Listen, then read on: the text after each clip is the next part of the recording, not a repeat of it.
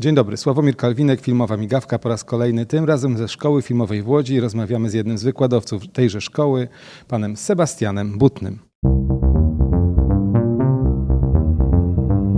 To jest podcast WFO. Rozmawiać będziemy o filmie Święty, filmie, który w tej chwili już jest obecny na ekranach, nie tylko kin, ale o tym będziemy rozmawiali za chwileczkę. Zapraszam Państwa na kolejny podcast Filmowa Migawka. To jest podcast WFO. Dzień dobry, Sebastianie. Dzień dobry. E, film pod tytułem Święty. Mm, zaskakujący, moim zdaniem, film, który był pokazywany innymi na e, Festiwalu Polskich Filmów Fabularnych w Gdyni. I film, który dotyczy takiej dosyć nietypowej sprawy, bo chociaż jest. E, no właśnie, czego on dotyczy tak naprawdę? No on dotyczy naprawdę nietypowej sprawy, czyli o sytuacji, w której milicjant w 1986 roku Y, staje się właściwie, można powiedzieć, celebrancem y, y, takiego wydarzenia religijnego, czyli misterium. I, I, oczywiście sam nie zdając sobie z tego sprawy, że, że to robi, ale ostatecznie jakby wobec ludzi, którzy tam są zgromadzeni, właśnie tego rodzaju doświadczenie ma miejsce.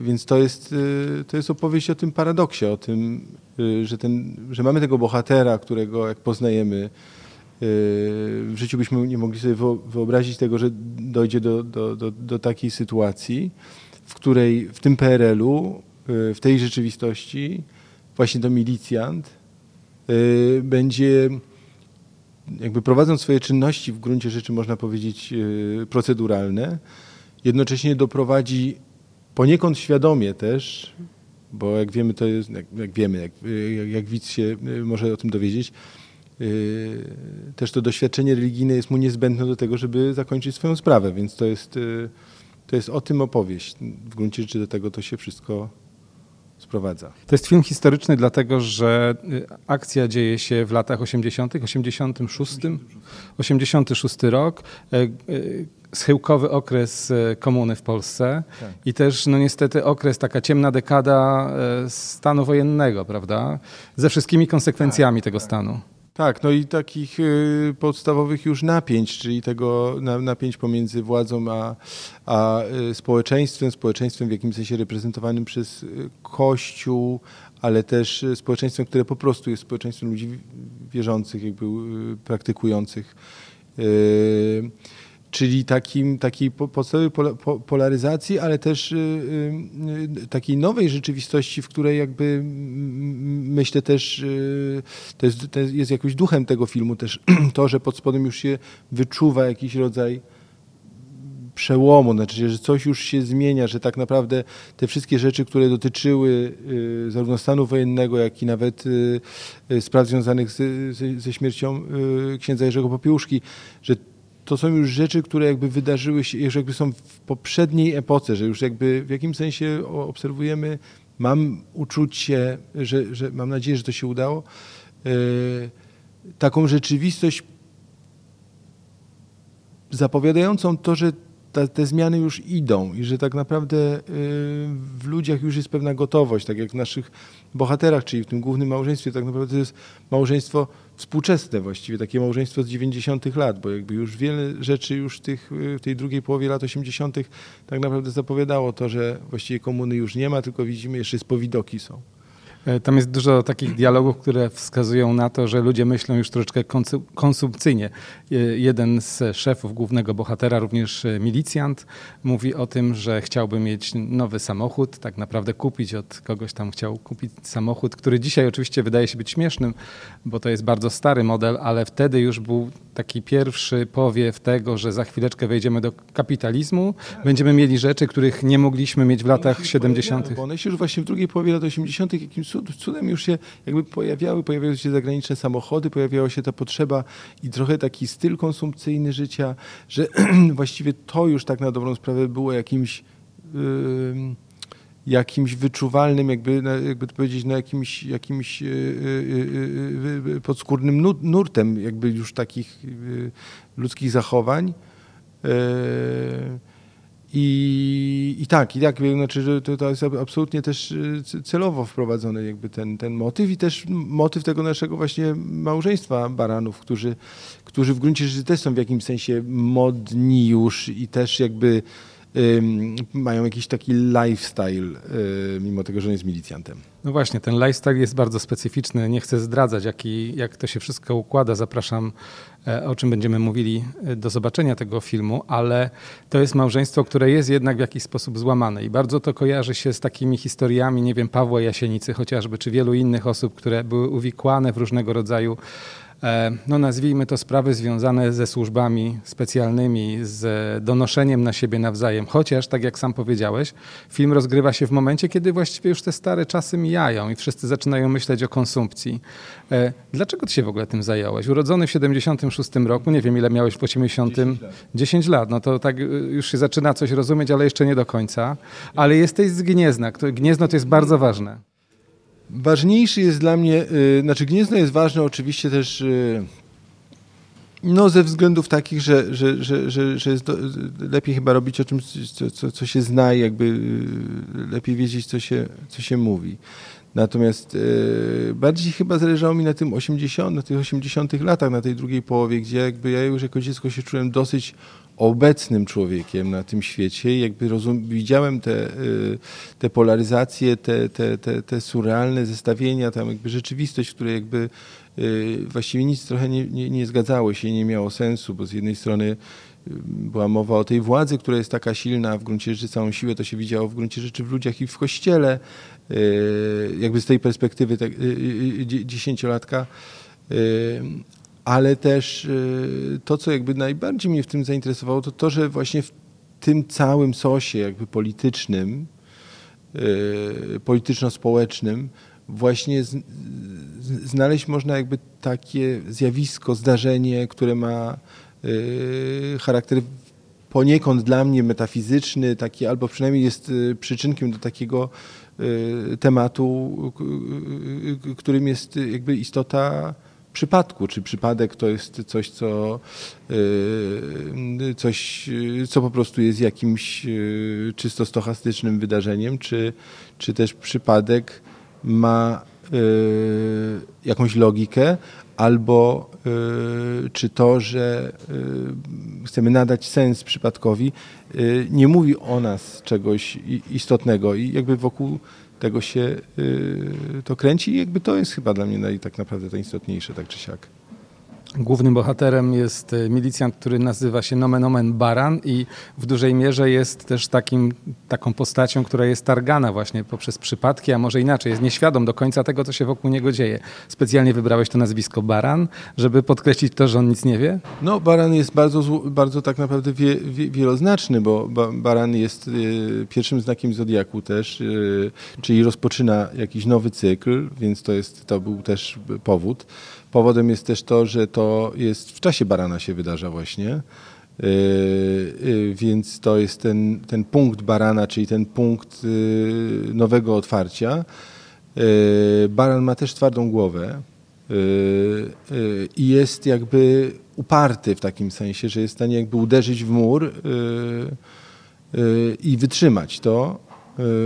A oprócz tego jest jakby ten Y, baran, który traktowany jest trochę jakby tak, y, jakby to powiedzieć, protekcjonalnie przez, przez swoich przełożonych i też przez swoich kumpli, do których nie pasuje za bardzo na tej komendzie jako taki po prostu baran, któremu tam można coś tam zlecić, zlecić zrzucić i, i można go potraktować trochę.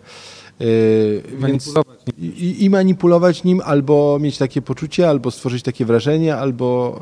Yy, więc jakby bardzo lubię to nazwisko, bo, bo ono jest... Yy, prowokacyjne w, w, w, w kilku znaczy, w znaczeniach czy sposobach. Porozmawiamy jeszcze o filmie historycznym. Teraz jest moda na lata 80. i w ogóle na retro. Na wielu różnych poziomach jest ta moda. Muzyka powraca i wiele, wiele innych aspektów. Jest moda na PRL. A ty pokazujesz e, ten PRL jako jeden z wielu, bo kilka takich filmów już powstało i nawet ostatnimi laty. E, I pokazujesz go w taki dziwny, no, moim zdaniem zaskakujący, zaskakujący sposób, bo jest to na pewno film kryminalny, ale z drugiej strony jest to film, który mówi o transcendencji. E, czy w ogóle ludzie są w stanie, bo jest taki wyraźny moment, kiedy zaczyna to wszystko dążyć w stronę tej transcendencji. Jak, ty, jak, jak myślisz, czy, czy, to jest, czy to jest trudne, żeby się w tą estetykę, w tą, ten rodzaj logiki wdrożyć, żeby widzowie, krytycy mogli to w jakiś sposób odebrać? No, okazało się to w jakimś sensie y, trudne, no, natomiast trudne jakby, w, no, można też powiedzieć dla, dla, dla, dla części może przede wszystkim, bo było bardzo y, wiele takich komunikatów, które jakby były odpowiedzią na, na, na, na, na, na świętego, w których jakby yy, ten, istota tego filmu, którą jakby zauważasz, jakby w gruncie rzeczy nie, ja nie, nie, nie mieściłem się w głowie, żeby można było tego nie widzieć, jakby, że te rzeczy są zrobione celowo, to znaczy, że w jakimś sensie prowokacyjnie jest wzięty ten, też, też te 80 lata, jakby osadzenie tej, w tej rzeczywistości takiej w jakimś sensie bardzo niemetafizycznej, to znaczy takiej szarej, już pozbawionej nawet, nawet jakiegoś, można powiedzieć, jakiegoś e, e, takim właśnie takim pustym okresie, nie? takim okresie, kiedy już jest właśnie po wielkich wydarzeniach, właściwie w tym czasie jeszcze się nic nie, nic się nie dzieje, w 89 może coś się wydarzy, jakieś najdą, na, na, nastąpią zmiany, natomiast to był taki pusty okres, pusty przebieg. Interregium moim zdaniem. Jeszcze tak, się nie skończyło, inter, jeszcze się nie dokładnie, zaczęło. interregium i że w tym interregium właśnie wydarza się już coś, co jest jakby zalążkiem tego, co się wydarzy i że może się wydarzyć też coś, coś, coś metafizycznego, coś, e, a z drugiej strony jakby też wrzucić e, zjawisko sakrum, czy jakby doświadczenie sakrum jako, jako, jako temat, jeszcze doświadczenie sakrum przez, czy jakby w rzeczywistości kryminału, no wydało mi się jakby e, czymś jakby to powiedzieć, no, czymś, co mnie osobiście jakoś bardzo po, pobudza, bo y, lubię rzeczy, których nie znam, albo lubię rzeczy, które nie są oczywiste, albo przede wszystkim chyba lubię piosenki, których jeszcze nie słyszałem. No. Ale przecież taka estetyka była już eksploatowana bardzo poważnie. No nie wiem, chociażby Imię Róży, Umberto Eco i film, który był na tej podstawie nakręcony. Y, co jeszcze? Dom Zły tutaj na naszym poletku y, też dotyczy spraw, które są transcendentalne, chociaż też kryminalne i wiele, wiele innych pozycji. Wydawać by się mogło, że ta estetyka, ten sposób na budowanie scenariusza jest no, też znany po prostu. Tak, ale coś się zmieniło, mi się wydaje, dlatego że y, jest coś takiego, że wchodzimy w taką rzeczywistość, w której zaczynamy jakby coraz, coraz intensywniej funkcjonować y, w, y, y, w, w, jakby to powiedzieć, w rzeczywistości pewnych patternów, czyli tego, że są pewne przepisy na to, co jest filmem arthouse'owym, co jest filmem komercyjnym, co ma być, co ma być kryminałem, a co nie jest kryminałem. I nagle okazuje się, że tak naprawdę y, grzebanie w tym, jakby kombinowanie, żeby zrobić coś, co, co tak naprawdę może być z pogranicza gatunków, albo tak naprawdę może być antygatunkiem, ale bez takiego, y, no krótko mówiąc, jakby jeżeli y, coś nie jest podobne do czegoś innego, to bardzo często jakby jest traktowane jako nie udało się tego zrobić, do czego to miało być podobne. I, i że taki jest, taka jest recepcja części kina i części też y, jakby odbiorców, wydaje mi się. Y, y, miał być kryminał, najprawdopodobniej zwyczajny. A ty opowiadasz o drzwiach gnieźnieńskich. A ja opowiadam, a ja tam wrzucam rzeczy, które, które jakby nie, no, no nie pasują jakby do, że tak powiem, do, do tego, co powinno być. I, i, I to ogranicza możliwość, to ogranicza otwartość też i też ogranicza, znaczy nie ogranicza możliwości twórczych, bo nadal jeżeli okazuje się, że można zrobić film uważając, że, że, yy, że może wpisywanie się pewne wytyczne albo szablony, czy też jakby oczekiwania yy, nie jest jedyną drogą. No jakby jest, yy, cały czas mi się wydaje, że, że tylko to chyba ma sens. Ten film jest koprodukcją polsko-węgierską. Muszę przyznać, o czym wspomniałem Ci przed rozmową, że to jest jeden z niewielu przykładów filmu z ostatnich lat, który jest właśnie w ten sposób wyprodukowany. E, chyba takie produkcje to były popularne jeszcze w latach 70., 80., kiedy byliśmy w jednym obozie socjalistycznym. E, jak się robi takie produkcje? Jak się to, że tak powiem, doprowadza do skutku? To już też jest sprawa produ producencka, można powiedzieć. Trzeba było zapytać pani producent, jak, jak, jak, jak to konkretnie się wydarzyło. Natomiast miał miejsce jakiś dobry zbieg okoliczności, bo jakby bardzo się cieszę z tego, że część tych prac które, twórczych, które wykonywaliśmy przy filmie były zrobione na Węgrzech, że mogłem poznać węgierskich twórców, Attila Teżera jako, y, jako y, dźwiękowca, który tworzy postprodukcję dźwięku, Petera Pejcika jako kompozytora, Laszczo Kowacza jako naszego kolorystę. I to było super spotkanie. Ja się tylko mogę cieszyć, że tak się wydarzyło, bo pewnie właśnie nie, miało, nie byłoby, zazwyczaj nie ma tych możliwości, żeby akurat zetknąć się właśnie z, z, profesjonalistami z tego rynku, no bo, no bo te, te koprodukcje, ja nie wiem, czy jest jakaś inna koprodukcja polsko-węgierska. E, natomiast jest tak, że, e, e, że to po prostu no, stało się coś, czego chyba by się nikt w gruncie rzeczy nie spodziewał, że do tego doszło. Zanim jeszcze skończymy naszą rozmowę, przypomnijmy o o aktorach, bo tak rozmawiamy o różnych sprawach związanych ze scenariuszem, z y, tematem. Nie powiedzieliśmy o tym, że y, tutaj są bardzo dobre kreacje aktorskie. Główny bohater grany przez Mateusza Kościukiewicza, e, Lena Góra, która gra jego żonę. E, no to jest bardzo ciekawa galeria postaci. Jak się, jak się y, takich aktorów e, wynajduje? Bo to ty chyba byłeś odpowiedzialny za casting. E, naszą reżyserką castingu jest Małgosia Adamska. E, wspaniała osoba, z którą, która mnie też jakby jakby to powiedzieć, no w, w gruncie rzeczy też bardzo dużo mi dała takiego, takiego wsparcia twórczego, bo ten nasz, ta nasza relacja, czyli ten, ten, ten rodzaj takiego wspólnego poszukiwania albo zadawania sobie pytań, by, bycia takim też wzajemnym sparring partnerem y, i też no jakby przede wszystkim y, takie Małgosi nieodpuszczanie też, jakby takie nie y, no, jakby to powiedzieć, no prowokowanie do tego, że, że, że, że wielokrotnie musiałem przemyśleć, czy jakieś intuicje są, są, są trafne, czy nie, a jeżeli się potem okazywało to, że to, to jest trafne, to jakby oboje wiedzieliśmy, że, że to jest na pewno ten, ten, ten kierunek i że ten aktor da jakby tej posta postaci y, coś, czego być może nie było jeszcze w, w scenariuszu. To znaczy, że, że dowiadywaliśmy się, to jest nawet jakby kwestia y,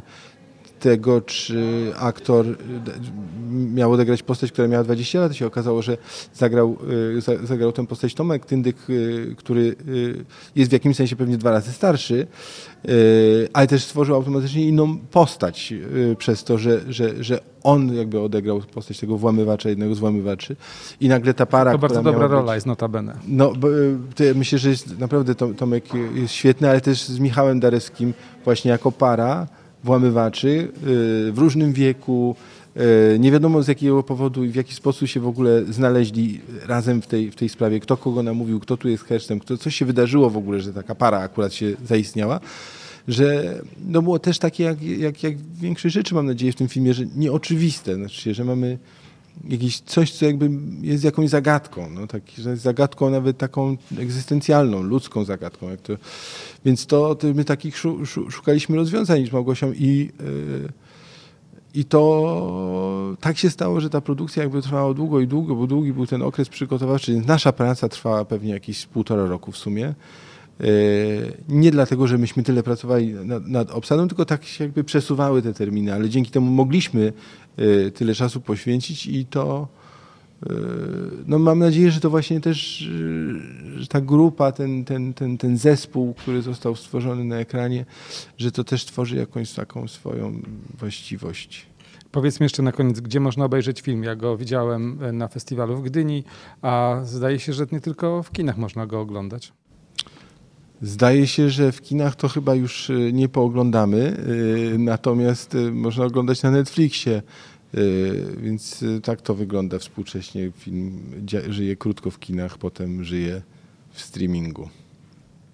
E, dziękuję bardzo za rozmowę. Naszym gościem był Sebastian Butny, reżyser, scenarzysta, montażysta, E, copywriter, tak? No, wykładowca w szkole filmowej w Łodzi, tak. dlatego tutaj jesteśmy dzisiaj, bo też e, masz zajęcia, dzisiaj miałeś zajęcia tak. i w związku z tym do późna tak, właśnie, musimy tutaj być. Dziękuję bardzo za rozmowę. Dziękuję bardzo również.